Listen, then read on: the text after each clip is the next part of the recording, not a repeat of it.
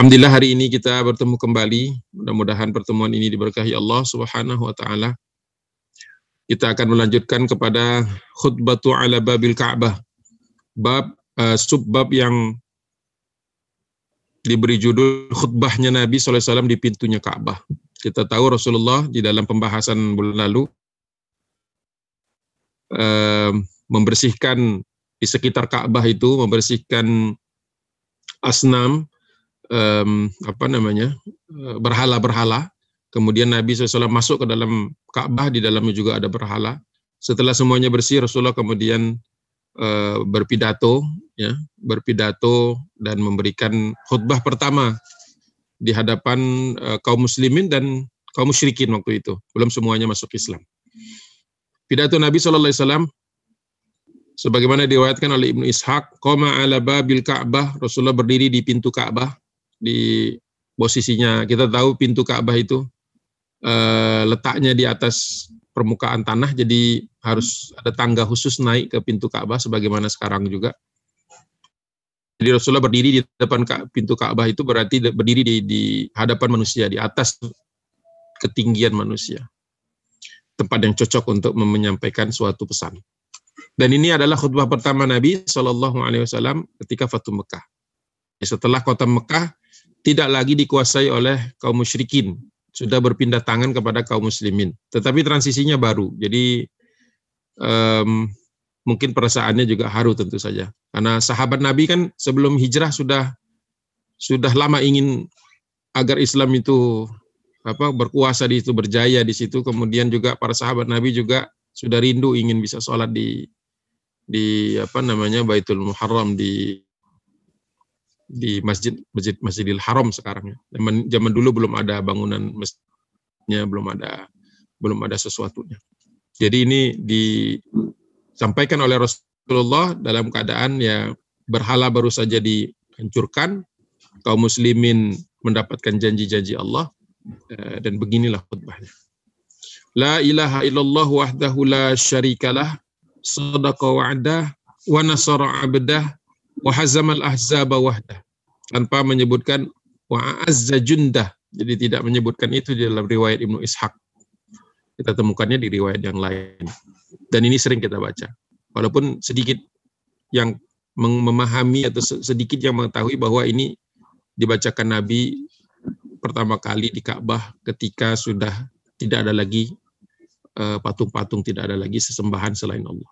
Maka pas gitu ketika Rasulullah mengatakan la ilaha illallah wahdah la syarikalah tidak ada ilah. Jadi ketika Rasulullah mengatakan la ilaha ya tidak ada ilah-ilah itu ngomongnya bukan sekadar klise seperti di atas mimbar yang memang belum pernah ada e, berhalanya. Tetapi Rasulullah mengatakan itu di tempat yang tadinya ada 360 menurut Ibnu Katsir 360 berhala. Gitu. Jadi coba direnungkan bukan sekedar didengar artinya gitu atau diterjemahkan artinya. Ngomong di tempat yang dulu paling banyak berhala. Ngomongnya la ilaha illallah wa la la ilaha illallah wa la syarikalah. La ilaha illallah wahdah la syarikalah. Itu Masya Allah. Tidak ada ilah yang pantas disembah kecuali Allah saja dan tidak ada yang bisa mempersekutukannya. Insya Allah. Jadi eh, saya saja saat ini merasakan berdebar ya membayangkan Ka'bah itu tentu tanpa masjidnya, tanpa bangunan masjidnya karena belum ada waktu itu. Hanya Ka'bah dan tempat tawaf saja dan rumah-rumah orang-orang musyrikin. Patung-patung tentu saja setelah dihancurkan itu kan nggak selangsung bersih kan karena dari batu-batu besar itu. Sisa-sisanya mungkin masih ada.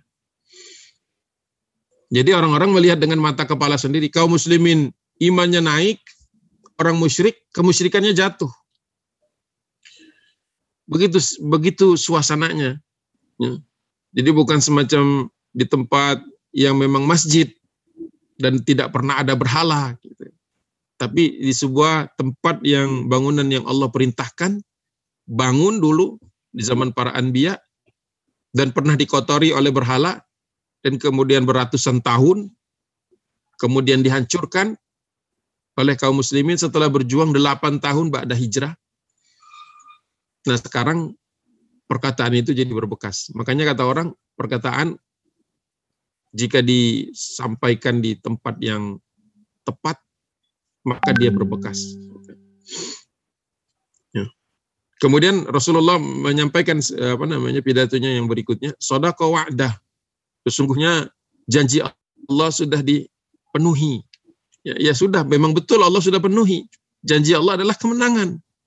Jadi kaum muslimin itu dulu dan sekarang harus yakin bahwa janji Allah itu benar. Jangan karena terseok ya kaum muslimin lagi mengalami kesulitan terus kita berpikir ah ini kayaknya nggak bakal menang nih gitu. Atau bisa jadi ada orang yang berpikir aduh kan Islam terpuruk terus udah pindah agama aja gitu ya. Silahkan ya siapa pun yang ingin keluar dari Islam silahkan. Karena kemenangan itu hanya untuk kaum muslimin yang istiqomah, yang tabah sampai dengan detik terakhir, sampai dengan nafas terakhir. Sodako wadah. Kemudian wanasoro abdah. Allah itu yang menolong hambanya. Ya. Jadi kaum muslimin juga kaum muhajirin dan ansor kan sudah mendapatkan pertolongan dari Allah subhanahu wa ta'ala. Namun kali ini spesial. Karena kemenangan itu membawa mereka kembali ke tanah mereka, ke kota mereka, ke kalau untuk Nabi itu kan kota kelahiran. Ada tentu saja kondisi yang berbeda di situ. Wa nasara abda. Dan memang kaum muslimin harus diingatkan kembali bahwa pertolongan itu hanya dari Allah. Kita tidak boleh menggantungkan kepada seseorang walaupun kelihatan bagus. Tidak boleh. Allah tidak suka kita menggantungkannya kepada seseorang, apalagi manusia. Jadi walaupun kita perlu punya pemimpin, perlu punya alim ulama, ya, tetapi kita punya syarat, gitu ya. Ati Allah wa ati Rasul wa ulil amri minkum. Kepada Allah dan Rasulnya itu ketaatan 100%. Tapi kepada ulil amri ya ada syaratnya. Syaratnya tidak bermaksiat kepada Allah. Syaratnya bahwa bukan dia yang menentukan kehidupan manusia. Tapi Allah subhanahu wa ta'ala. Itu yang paling dibenci sama Belanda dulu paling dibenci sama Belanda dari kaum muslimin itu ada keyakinan bahwa Allah itu bersama mereka. Kesel banget itu mereka itu. Ya, sampai-sampai mereka harus mengirimkan orang yang namanya Christian Snok Horgronje. Ya, mematahkan perjuangan kaum muslimin di Jawa Barat dan mematahkan perjuangan kaum muslimin di Aceh. Ya, dan secara umum mematahkan perjuangan kaum muslimin di Hindia Belanda. Ya, yang ingin mereka keluarkan dari dari hati kita itu dari jiwa kita itu ini. La ilaha illallah wahda la syarikalah itu yang mau dikeluarkan. Cabut dari diri kita. Sodaka wa'dah bahwa janji Allah itu mau dicabut sama mereka. Ya, komunisme itu kan datang untuk mencaci maki tentang Tuhan, tentang Allah. Ya. Kemudian wanasoro abdah, mereka ingin mencabut rasa optimis kita tentang bantuan Allah. Hati-hati. Ya, kebanyakan nonton TV juga itu akan membuat membuat hati menjadi ciut, membuat perasaan kita itu jadi hopeless bahwa dunia ini kayaknya udah susah, udah rusak. Hati-hati. Ya. Itu perang urat syaraf. Kita dibuat lemah, kita dibuat takut, kita dibuat apa namanya? dibuat tanpa harapan. Ya. Seolah-olah manusia, ada manusia manusia hebat, seolah-olah dia megang segala sesuatunya. Kalau Allah mau selesaikan itu dalam sekian detik. Tapi umat Islamnya mau dibantu sama Allah, tapi lihat lihat umat Islamnya. Pantas nggak dibantu? Yang umat Islamnya begitu. Di kewajiban kita untuk saling mengingatkan watawasau bil haq dengan kebenaran, watawasau bis sabr dengan kesabaran, watawasau bil marhamah dengan cara yang paling bagus. Jadi ketika umat Islam sudah mulai berhenti berantem sesama umat Islam, barulah ada pertolongan itu turun. Allah mau lihat kita itu serius apa enggak. Ya, kita masih menggantungkan pada seseorang, sesuatu, sekumpulan, seorganisasi atau apa. Belum betul-betul minta sama Allah Subhanahu wa taala. Kemudian Rasulullah melanjutkan wahazamal ahzab wahdah. Dan Allah memporak-porandakan ahzab. Ahzab itu sekutu-sekutu, orang-orang yang berkumpul dalam rangka menghancurkan Islam, tapi kata Allah, wahazamal ahzab wahdah. Cukup Allah saja kalau mau menghancurkannya. Cukup Allah. Ya. Jadi hasbunallahu wa ni'mal wakil, ni'mal maula wa ni'man nasir. Itu sering diucapkan ketika kita sudah habis habis-habisan ya bukan di awal sudah habis-habisan. Kalau belum habis-habisan ya wajar kita belum dapat pertolongan dari Allah Subhanahu wa taala. Bapak dan ibu-ibu jamaah salat subuh Masjid uh, Nurul Basirah yang dirahmati Allah Subhanahu wa taala. Jadi di dalam pidato ini para sahabat diriwayatkan banyak yang menangis. Bukan menangis karena sedih, tapi menangis karena mereka sadar bahwa perlu sabar untuk mendapatkan kenyataan-kenyataan, kemenangan-kemenangan, bantuan-bantuan, janji-janji Allah. Butuh waktu. Butuh waktu. Nah itu yang kadang-kadang kita tidak sabar. Ya. Makanya sampai ada yang bertanya, mata Nasrullah, mana, kapan pertolongan Allah? Ala inna nasrullahi qarib. Katakan kepada mereka, wahai Rasul Muhammad SAW, sesungguhnya pertolongan Allah itu dekat. Jadi kata harus ingat, pertolongan Allah itu dekat. Ya, pertolongan Allah tidak jauh-jauh. Yang penting kita sudah melaksanakan tugas, melaksanakan kewajiban kita sebagai mukmin, ya, tidak menambah keruhan masalah, insya Allah akan Allah datangkan pertolongan itu. Ya, asal kita yakin kepada itu dan berusaha. Kemudian Rasulullah SAW melanjutkan pidatonya ala kullu ma'suratin au jamin au malin yuda'a fahuwa tahta qadamayya hataini illa sidanatal baiti wasiqayatal haji. Kata Nabi SAW, seseluruh segala sesuatu yang dibangga-banggakan, baik itu berupa kedudukan, baik itu berupa darah, maksudnya nasab keturunan, baik itu berupa harta, aumalin, yang biasa dibangga-banggakan, kali ini, hari ini, kata Nabi, berada di, di bawah kedua kakiku. Kecuali sidanatal baiti wasiq al haji. Kecuali orang-orang yang mengurusi bait al-bait maksudnya Makkah ini apa namanya Ka'bah. Kecuali orang yang ngurusin Ka'bah serta orang-orang yang al haji memberi minum kepada jamaah haji yang mengunjungi Baitullah. Jadi ada dua hal itu yang ingin disampaikan oleh Rasulullah Shallallahu Alaihi Wasallam. Pertama bahwa manusia sering berbangga-banggaan dengan kedudukan, kekuatan, kekuasaan, garis keturunan, ya saya anak si Anu, saya anak si Anu. Ya, kadang, kadang begitu manusia bangga dengan orang tuanya atau orang tua bangga sama anaknya berlebihan sampai kemudian ia menjadi berhala baru gitu ya. Jadi orang disuruh nyembah anaknya, suruh nyembah bapaknya. Dan itu biasaan jahiliyah kok. Bukan sesuatu yang baru. Jadi kalau ada orang menyembah-nyembah manusia itu bukan hal yang aneh.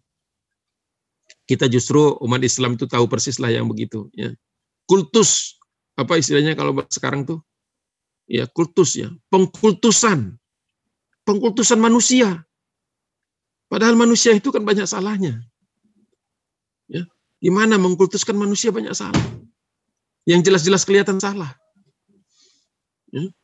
Rasulullah SAW itu begitu sedemikian dicintai para sahabat, tapi tidak dikultuskan, tidak disembah, dilarang oleh Rasulullah menyembah.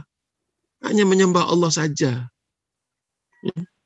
Jadi kata Nabi itu gak berguna. Kedudukan, kekuasaan, garis keturunan, ya, aumalin atau harta. Ya harta berhubungan dengan kekuasaan. Manusia itu kan cari harta untuk berkuasa atau cari kekuasaan untuk cari harta. TikTok TikTok di situ aja. Cari duit untuk berkuasa, cari kekuasaan untuk cari duit. Udah itu muter-muter di situ aja tanpa dia sadari bahwa itu semua kedua-duanya itu nanti semua akan menjadi hisap bahan hisap di yaumil akhir. Ya, begitu senangnya cari duit sampai lupa bahwa nanti akan dihisap. Begitu senangnya mencari kekuasaan, dia lupa nanti akan dihisap.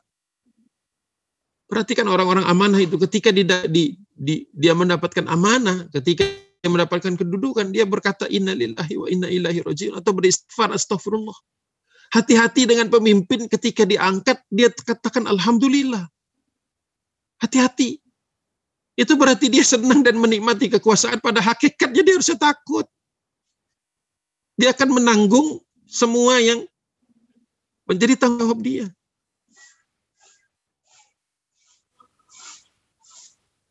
Hati-hati dengan pemimpin yang senang dengan kekuasaan. Hati-hati.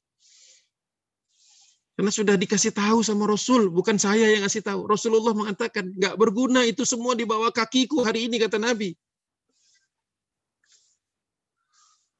Kan kenapa pidatonya begitu? Dulu saya itu bingung, kenapa pidatonya begitu ya di hadapan kaum muslimin? Nggak ngeh kalau yang mendengarkan itu bukan hanya kaum muslimin. Fatu Mekah itu tidak berarti kemudian semua orang mendadak masuk Islam. Tidak, berangsur-angsur memang. Dan berbondong-bondongnya setelah pidato ini. Jadi yang mendengarkan itu banyak juga orang musyrik. Loh, kok bisa Ustaz orang musyrik dengerin Nabi? Karena dulu, kan masih ingat ya ada. Waktu Abu Sofyan masuk Islam, sehari sebelum Fatu Mekah, disuruh Rasulullah kembali ke kotanya memberikan tiga pesan. Pertama, wa man dakhala daro Abi Sufyan fahuwa amin. Barang siapa yang masuk ke rumahnya Abu Sufyan, dia selamat, dijamin keselamatannya.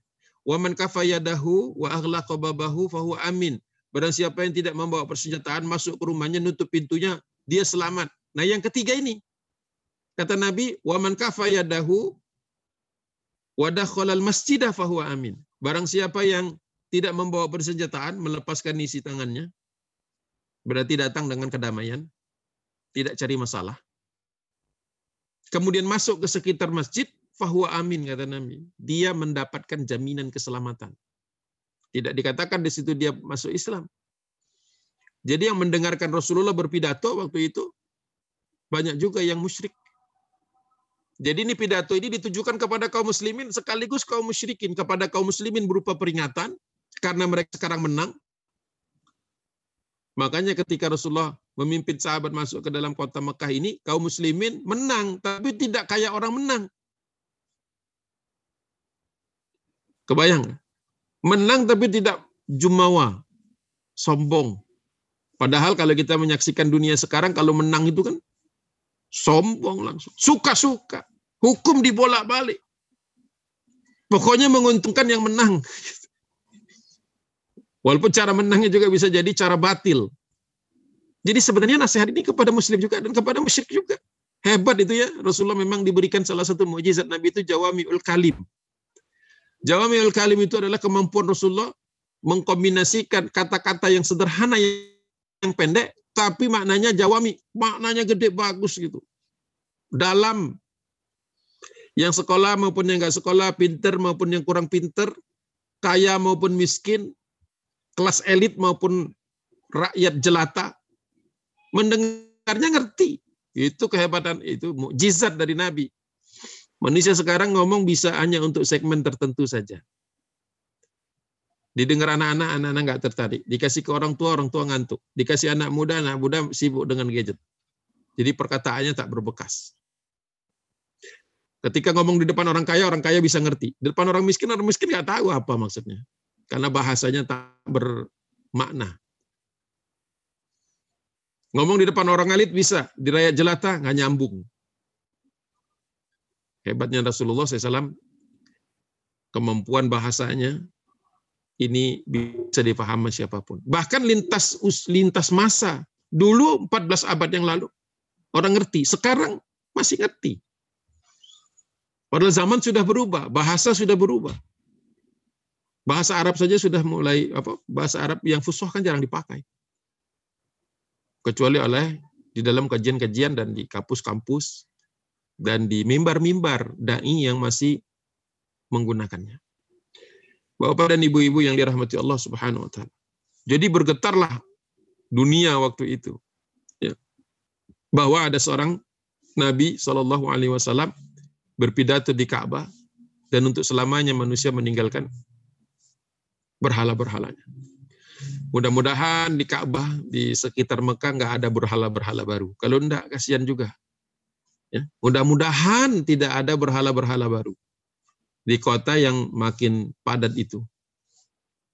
Ya, mudah-mudahan. Bagi yang sudah pernah ke Mekah, sudah pernah haji atau sudah pernah umroh atau dua-duanya, ngerti maksud saya harusnya. Kalau yang belum, ya mudah-mudahan segera disampaikan Mudah-mudahan nanti ngerti betapa pentingnya. Bayangkan nanti suatu saat kalau misalnya kita ke Ka'bah lagi atau baru pertama kali ke Ka'bah. Nanti kan pas tawaf itu kan pasti melintasi bagian yang ada babnya, yang ada pintunya. Ya, atau kalau yang memang memang suka ngejar multazam, ya kan pas di bawahnya. Tangan kita begini-begini ngerayap gitu ya. Kalau yang tinggi kayak orang Afrika bisa megang tuh ujungnya, tapi kalau kita orang-orang rata-rata orang Indonesia cuma ngawe-awe aja, nempel di dinding tapi ngawe-awe, nggak nyampe ke megang gitu. Tapi nggak apa-apa kalaupun di situ, nggak sampai situ juga nggak apa-apa kalau emang nggak kuat. Lihatlah itu di pintu itu sambil tawaf tuh, bayangkan Rasulullah berdiri di situ ngomong ini. Itu akan lebih lebih bermakna mudah-mudahan ya. Tapi kalau yang sudah ya udah lama nggak ke sana, doa lagi supaya dipanggil Allah. Dipanggil Allah ke Ka'bah bukan dipanggil Allah. kalau dipanggil Allah ya mudah-mudahan sudah cukup amal ibadahnya gitu. Ya, doanya minta dipanggil Allah ke Ka'bah, jangan putus tuh. Ya Allah panggil saya. Nanti doanya terkabul. Seperti itu. Nah, kecuali, nah, kecuali tadi. Kata Nabi, kedudukan, kekuasaan, garis keturunan, dan kekayaan itu tidak ada manfaatnya kecuali dipakai untuk dua hal di, di Mekah ini. Satu untuk mengurusi Ka'bah. Artinya menjaga Ka'bah ini dari kemusyrikan, menjaganya agar tidak tercemar lagi. Dan yang kedua adalah sikoyatal haji, memberi minum. Maksudnya menservis sebenarnya ya menservis bukan hanya minum tok gitu, ya ngasih makan, ngasih minum, ngasih perlindungan sebagainya untuk para jamaah haji. Ya, itu isyarat bahwa jamaah haji harus selalu aman. Ya. Salah satu kriteria khadimul haramain, pelayan kedua tanah suci memastikan jamaah haji itu aman. Itu. Kalau sudah tidak bisa menjaga keamanan jamaah haji, sudah tercoreng sebenarnya, sudah tidak pantas menjadi khadimul haramain ya. Dengan dalil itu. Jadi kata Nabi nggak ada gunanya. Mau kaya mau hebat katanya keturunan anu fulan bin fulan. Tapi tidak bisa. Sidanatal baiti wasiqayatal haji. Di mata Allah Subhanahu wa taala di mata Nabi nggak ada nggak ada manfaatnya. Jadi berat. Ini adalah pendidikan Nabi kepada orang-orang yang tinggal di Mekah bahwa mereka selama di Mekah nih sejak hari ini nggak boleh lagi mengadakan berhala, apalagi menyembahnya. Tidak boleh lagi ada kezaliman di atas manusia kepada manusia, dan tidak boleh lagi ada apa namanya eh, permasalahan dengan haji. Tidak boleh lagi ada orang yang dihalang-halangi. Zaman Quraisy dulu, orang untuk berhaji dihalang-halangi. Kalau nggak bisa bayar, nggak boleh. Jamaah haji jahiliyah kan ada hajinya, walaupun tidak mengikuti manasik Rasul Shallallahu Alaihi Wasallam. Suka-suka mereka lah telanjang dan sebagainya. Nah itu ya artinya pengurusan kepada jamaah haji ini merupakan salah satu eh, tanggung jawab orang-orang yang tinggal di kota Mekah. Kemudian Nabi SAW melanjutkan ala wa kutilal khoto'i shibhil amdi bisauti wal asa fa fihi diyatu mughalladhah mi'atun minal ibil arba'una minha fi butuniha auladuha. Dan untuk urusan kebiasaan orang musyrikin yaitu membunuh manusia tanpa sebab baik itu ada yang dicambuk ada yang di apa namanya pukul sampai mati disiksa sampai mati maka kata Nabi SAW sekarang ada diatnya Nggak bisa orang Quraisy menzalimi suku lain berlindung dengan Ka'bah. Jadi orang Quraisy punya pinter dia. Kalau membunuh orang, mau menyiksa orang, dia tunggu sampai dia datang haji. Karena setiap tahun kepala suku orang-orang Arab datang ke sana untuk haji, haji jahiliyah. Dulu sebelum Rasulullah SAW. Nah, itu punya kebiasaan mereka nangkepnya itu di Masjidil Haram. Belum ada masjidnya. Di tanah haram itu. Tangkap, dibunuh, disiksa. Terus ketika dituntut sama sukunya, eh, yang berkuasa di Ka'bah siapa? Quraisy, suka-suka Quraisy. Itu kata Nabi tidak ada lagi tuh. Nggak boleh lagi. Jadi langsung dihilangkan apa namanya istilahnya pasal karet, pasal karet. Jadi zaman dulu ada pasal karet juga. Quraisy punya pasal karet. Pokoknya ada orang dia nggak suka, kebetulan lagi di Masjidil Haram, tangkap. Dan dia nggak bisa diganggu. Maksudnya penangkapan itu nggak bisa di nggak bisa dikritisi, nggak bisa dipertanyakan. Sekarang manusia banyak yang begitu. Bertindak semenang-mena, kemudian berlindung di belakang hukum. Harusnya hukum itu membuat keadilan, tapi apa? Untuk melindungi suatu kelompok, suatu manusia, orang-orang yang memiliki kemampuan khusus. Khususnya tanda kutip. Mudah-mudahan bapak-bapak dan ibu-ibu masih masih bisa mengikuti dan maksudnya itu. Ya. Jadi ada, zaman dulu ada. Nah, kata Nabi nggak boleh lagi seperti itu. Fafihi diyatu mughalladho. Ada dietnya, ada uang tebusannya. Kalau sampai terlaksana lagi, ada tebusannya dan mughalladho. Makin berat tebusannya itu mi'atun minal ibil, 100 unta. Arba'una minha, 40 di antara unta itu. Berarti 40 persennya adalah unta-unta yang fibutu niha auladuha, yang sedang mengandung anak. Jadi kalau ada pembunuhan di sekitar Masjidil Haram, kata Nabi, itu yang membunuhnya akan dilakukan denda. Dikenakan denda sebesar 100 unta yang 40 untanya di antara 100 itu sedang hamil, sedang memiliki bayi, memiliki anak unta. Hitung sendirilah. Kalau satu unta itu hampir 50-60 juta, bahkan mungkin lebih kalau sekarang. Itu berarti kan paling minim kita melihatnya berapa?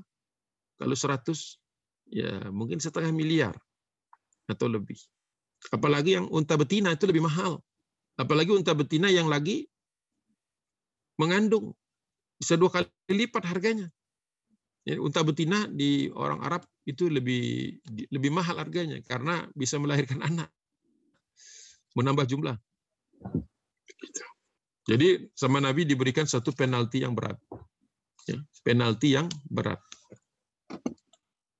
Jadi kadang-kadang memang manusia ini lebih takut kepada berkurangnya harta daripada hukum Allah. Jadi memang perlu juga ada penalti-penalti yang berat. Ya, asal ditegakkan.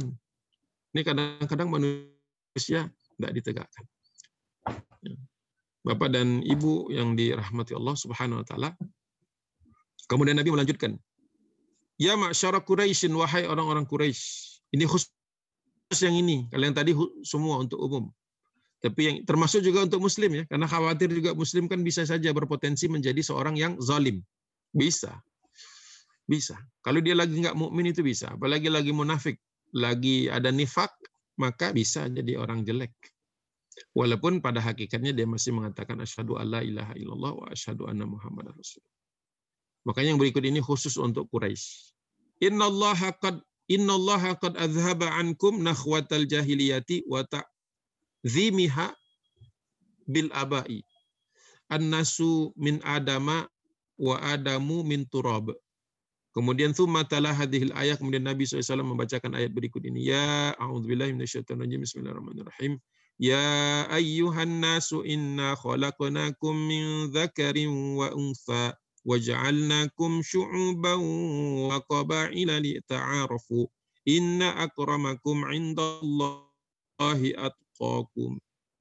Sadaqallahu Jadi kata Nabi, wahai orang-orang orang-orang uh, Quraisy, orang-orang Quraisy, sesungguhnya Allah telah mencabut dari kalian keburukan-keburukan, kebanggaan-kebanggaan jahiliyah. Wabil khusus kalian memuja-muji secara berlebihan bapak-bapak kalian. Orang-orang Quraisy itu selalu mengecam Nabi dulu waktu masih berdakwah di Mekah dengan merusak agama bapak-bapak kami.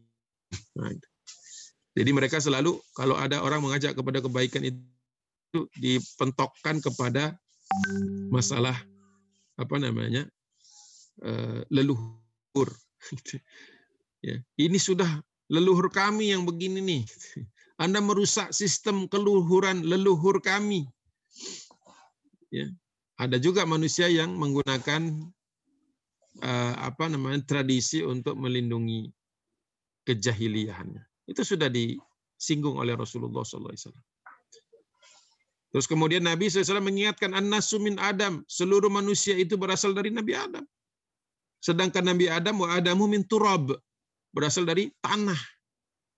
Gitu. Ya, jadi kita ini mau sombong bagaimana lagi dengan saudara kita? Bau tanah. Kok cium baik-baik? Lepas dari sabun dan sampo. Manusia itu bau tanah. Bau tanah. Ya. Mau dia tua kayak, mau dia muda, mau dia bayi, bau tanah semua. Karena bisa mati kapan saja.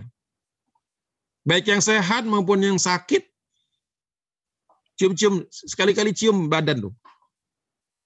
Bau tanah. Gimana mau sombong?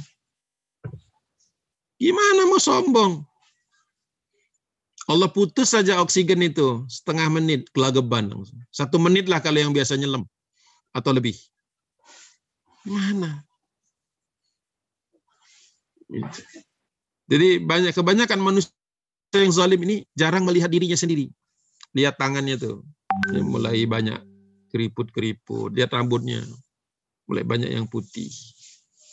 Sinyal-sinyal Allah berikan kepada kita bahwa akan ada datang waktunya nanti malaikat maut akan datang. Jadi mau apa sombong? Untuk apa? Padahal kata Nabi SAW kemudian membacakan surah uh, Al-Hujurat ayat 13. Ya ayuhan nas wahai sekalian manusia, inna khalaqnakum min dzakarin wa untha. Sungguh kami telah, telah menciptakan kalian dari seorang laki-laki dan seorang perempuan. Bapak dan ibu kita, Nabi Adam alaihissalam dan Siti Hawa. Waja'alnakum syu'uban. Kemudian dari kedua orang itu kami jadikan kalian bersuku-suku syu'ub wa qabail. Jamak dari qabilah. Syu'ub jamak dari syi'ib. Syi'ib itu artinya lembah sebenarnya. Kenapa menggunakan syi'ib? Karena Dulu manusia, orang Arab terutama, tinggal di lembah-lembah. Mana ada yang tinggal di padang pasir. Jadi bayangan orang tinggal di padang pasir itu keliru. Padang pasir ya tempat gersang mana ada orang tinggal di situ. Orang-orang Arab pun kalau mau cari tempat tinggal ya tempatnya di lembah-lembah, di wadi maupun di syi'ib. Cari tempat yang agak teduhan dikit, cari tempat yang agak suburan dikit. Mana ada orang tinggal di tengah-tengah gurun pasir. Sekarang pun tidak ada. Itu paling suku Baduy. Itu pun mereka nggak setiap hari. Makanya Allah menggunakan terminologi orang Arab karena turun pertama kali di sana. Tetapi sekarang pun kita ngerti. Di Indonesia juga nggak ada seluruh tempat orang tinggal kan. Di bantaran sungai, di tempat-tempat yang subur. Tanah gersang nggak ada orang tinggal. Syu'uban wa qaba'ila untuk apa Allah jadikan manusia itu bersuku-suku dan berbangsa-bangsa dari satu tempat dengan tempat yang lain, dari jurang yang satu ke jurang yang lain, dari lembah yang satu ke lembah yang lain, dari sungai yang satu sungai yang lain, lita'arofu supaya saling mengenal. Maka jangan pas ketemu kamu siapa? Oh, orang Sumatera ya, orang Jawa merendahkan Sumatera. Nanti orang Sumatera ketemu, ya rendahin orang Jawa. Emang orang Sumatera, orang Jawa apa jaminan kita masuk surga? Kan enggak. Saya berani ngeritik dua suku itu saja karena ibu saya orang Palembang, orang Sumatera, bapak saya orang Jawa. Jadi saya ngeritik boleh, otokritik. Kalau lagi ke Jogja kadang-kadang ya suka adalah bahasa-bahasa kalau orang Sumatera itu gimana gitu. Dia lupa kalau ibu saya orang Sumatera. Pas lagi di Sumatera juga kadang-kadang suka ngenyain orang Jawa. Dia lupa ya saya orang Jawa. Tapi saya memahami lah manusia memang suka begitu. Bangga banget dengan sukunya. Kayak sukunya mau belain dia di padang masyar nanti. Coba cium lagi deh. Bau tanah. Ributnya luar biasa. Astagfirullahalazim. Astagfirullahalazim. Ya, mau sampai kapan kita begitu? Ya. Sudah Allah Subhanahu wa taala katakan inna akramakum, sesungguhnya yang paling mulia. Akram itu kan paling mulia. Karoma, kiram, akram. Akram itu yang paling mulia. Sesungguhnya yang paling mulia di antara kalian indallah, di sisi Allah bukan di sisi manusia. Kalau yang paling hebat, paling mulia, manusia paling mulia di sisi manusia yang banyak hartanya, yang banyak kekuasaannya, yang paling bengis, yang paling zalim itu yang dimuliakan karena orang takut. Tapi Allah SWT mengatakan inna akramakum indallah indi di sisiku adalah yang atqakum takwa yang paling bertakwa. Jadi kata Rasulullah walaupun dia hitam sekulit hitamnya apa namanya orang kulit hitam, tetapi kalau dia bertakwa maka dia akan menjadi mulia. Abu Jahal waktu masih hidup sebelum mati pernah bertanya kepada Nabi di Mekah, kalau saya mengikuti agamamu ya Muhammad, apakah saya akan duduk satu majelis dengan orang kulit hitam itu? Maksudnya Bilal bin Rabah. Kata Nabi, iya. Wah kalau gitu saya tidak mau masuk Islam. Saya tidak sama dengan Bilal katanya. Jadi yang menyebabkan salah satunya menyebabkan Abu Jahal itu tidak masuk Islam karena sombong. Nggak mau satu majelis.